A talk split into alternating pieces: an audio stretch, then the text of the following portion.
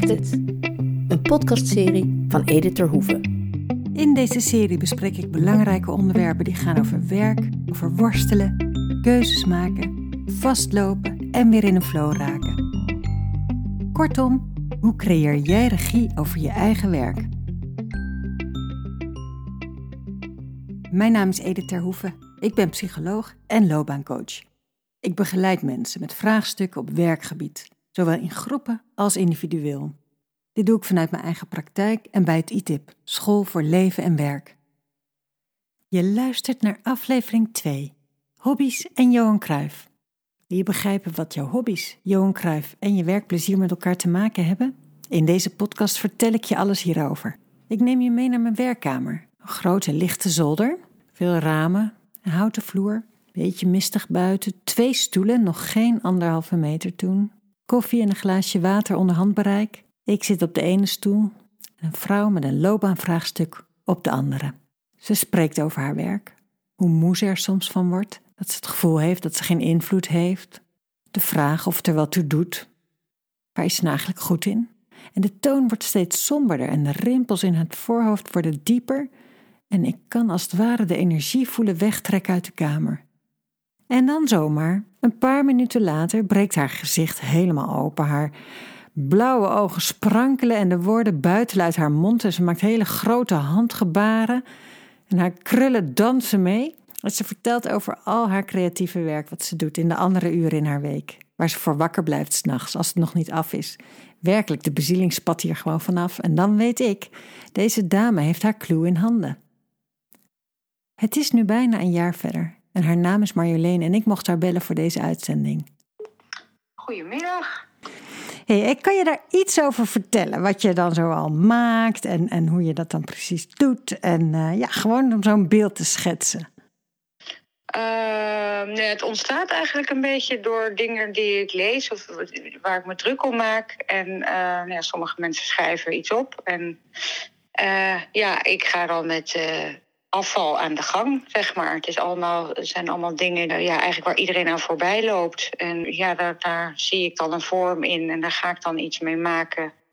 Meestal creëer ik gewoon een soort compositie, zeg maar, van uh, afval ja, daar zet ik wel vaak een tekstje bij. Bijvoorbeeld, nou ja, dat ik me bijvoorbeeld druk maak over al die algoritmes die eh, van ons worden opgeslagen. Nou, daar ga ik dan een soort ritmisch werk van maken. Ja, dat kan met kurk en dat is met uh, eierschalen en dat is met, uh, ja, wat heb ik nou laatst? Oh ja, doosjes, weet je wel, van die ja. verpakkingsmaterialen. En dat zet ik dan in op een bepaalde manier, leg ik dat dan neer.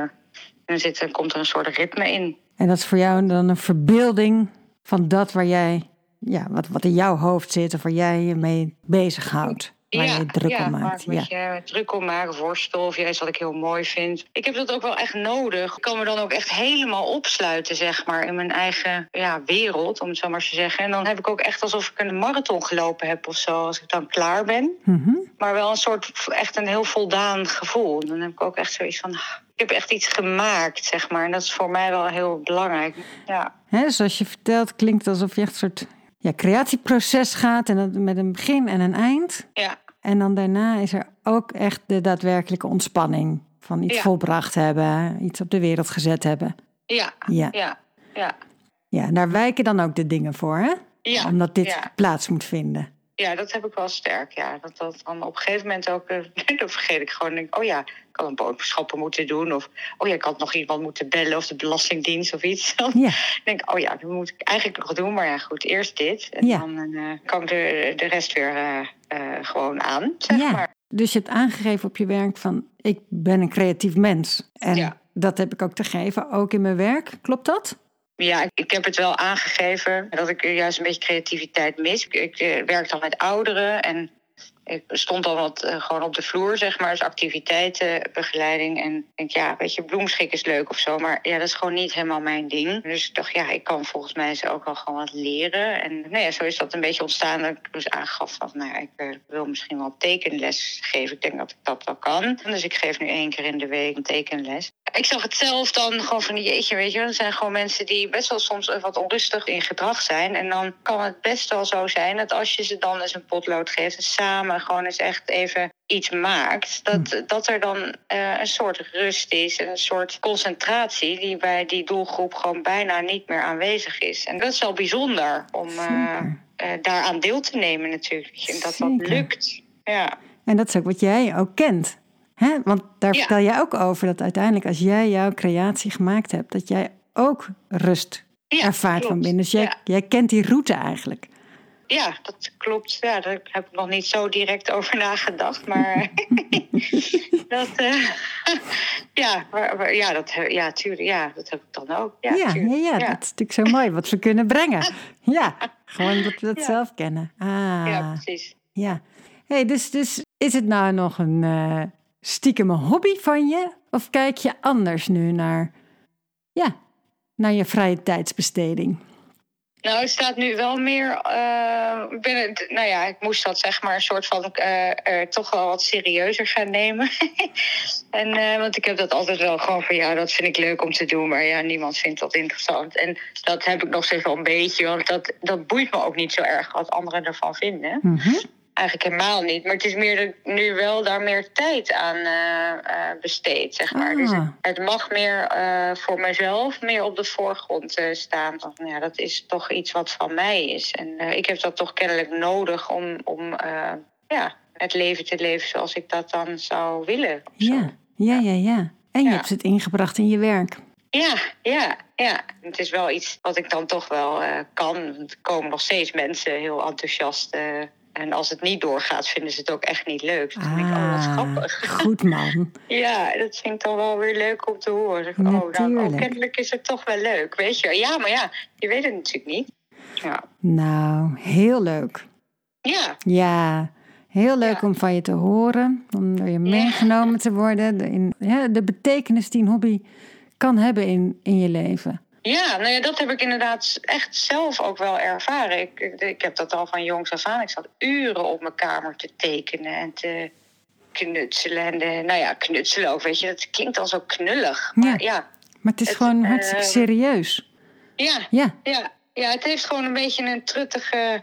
eh, tenminste, in mijn beleving, een hobby is, Ja. weet je, wel, dus als je echt niks meer anders weet. dan ga je hobbyen. Ja. Ja. Hoe zou jij het noemen? Spelen of zo. Hoe zou jij Ja, het noemen? ja. Nou ja, ik hoorde toen van jou dat is zielswerk. Ik denk, Hm. ja, ik vind dat wel heel toepasselijk. Ik Ja. denk dat dat ook echt wel klopt. Het Ja. is iets vanuit jezelf Ja. eh, wat je fijn vindt om te doen. En wat horen we nou precies in dit gesprek? Nou, Marjolein vertelt over haar hobby, wat haar aanzet om haar creatieve werk te starten en wat dit haar brengt. En daarmee legt ze ons eigenlijk exact uit wat een hobby is. Een hobby doe je uit interesse en met plezier, geheel vrijwillig. Gewoon omdat jij er persoonlijke voldoening uithaalt. En zo is het ook bij haar. Ze ziet of ze leest iets wat haar raakt, hè, waar ze zich druk over maakt. En dan krijgt ze de impuls hier expressie aan te geven. En er staat niets tegenover, alleen persoonlijk plezier en vervulling. En een hobby levert je flow op.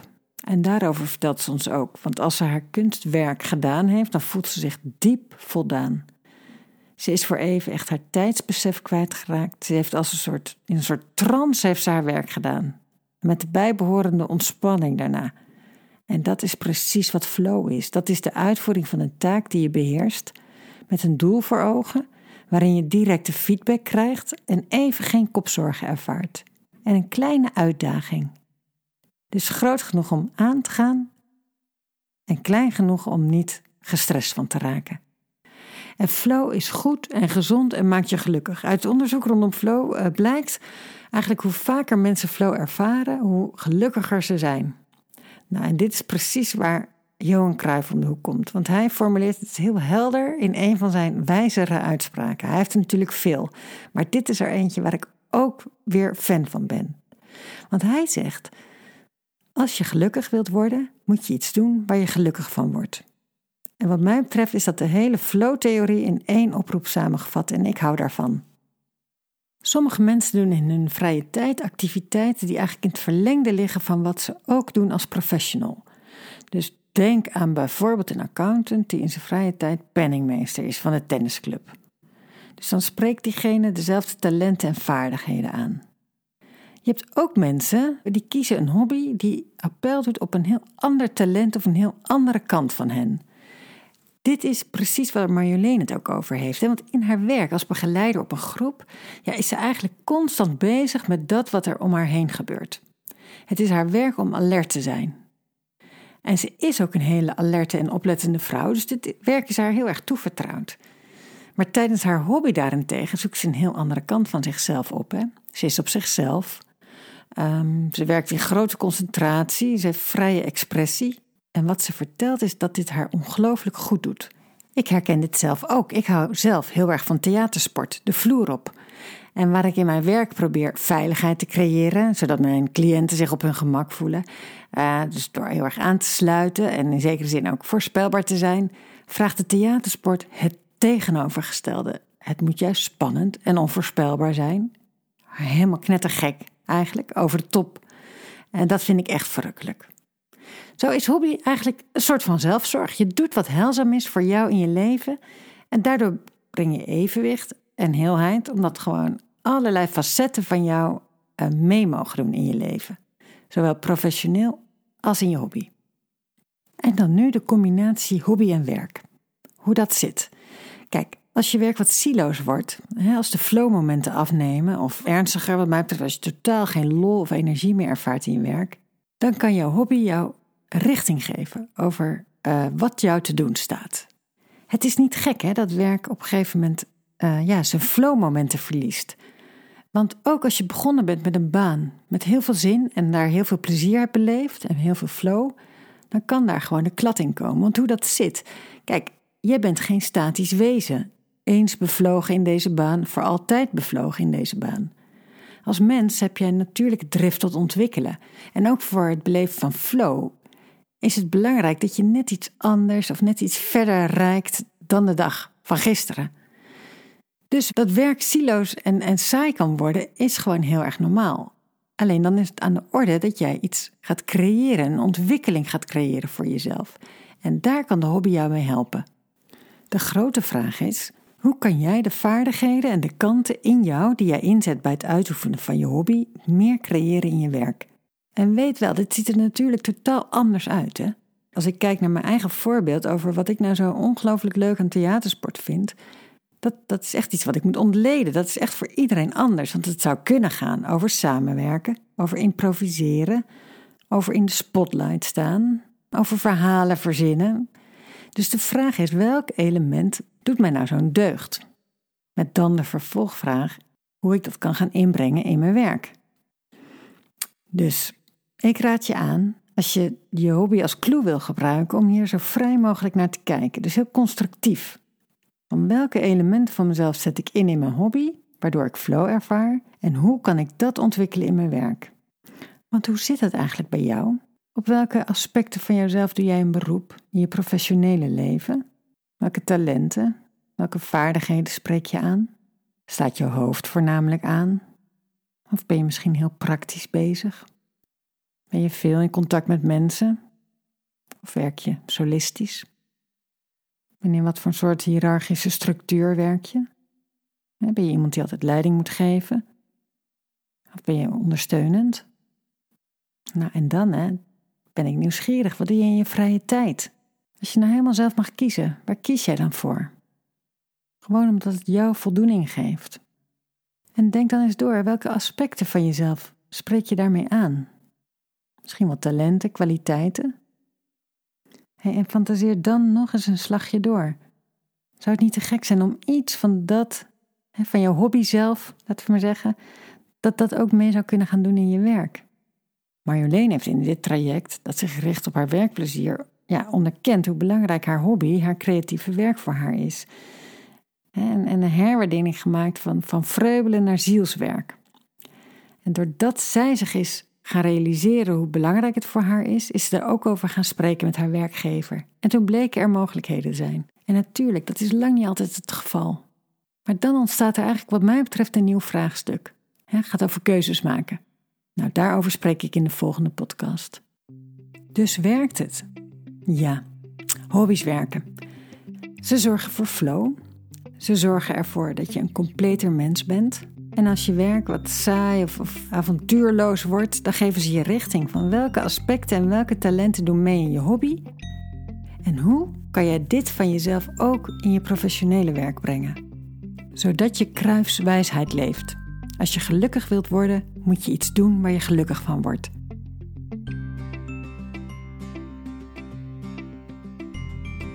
Dank voor het luisteren naar aflevering 2 van de podcastserie Werkt het? En abonneer je op deze podcastserie als je ook de andere afleveringen van Werkt het wil ontvangen. Ben je benieuwd wat het ITIP biedt aan inspiratie, artikelen, lezingen en coaching en begeleiding op het gebied van werkvraagstukken? Check onze site www.itip.nl. En mocht je meer van mij willen weten, laten we linken.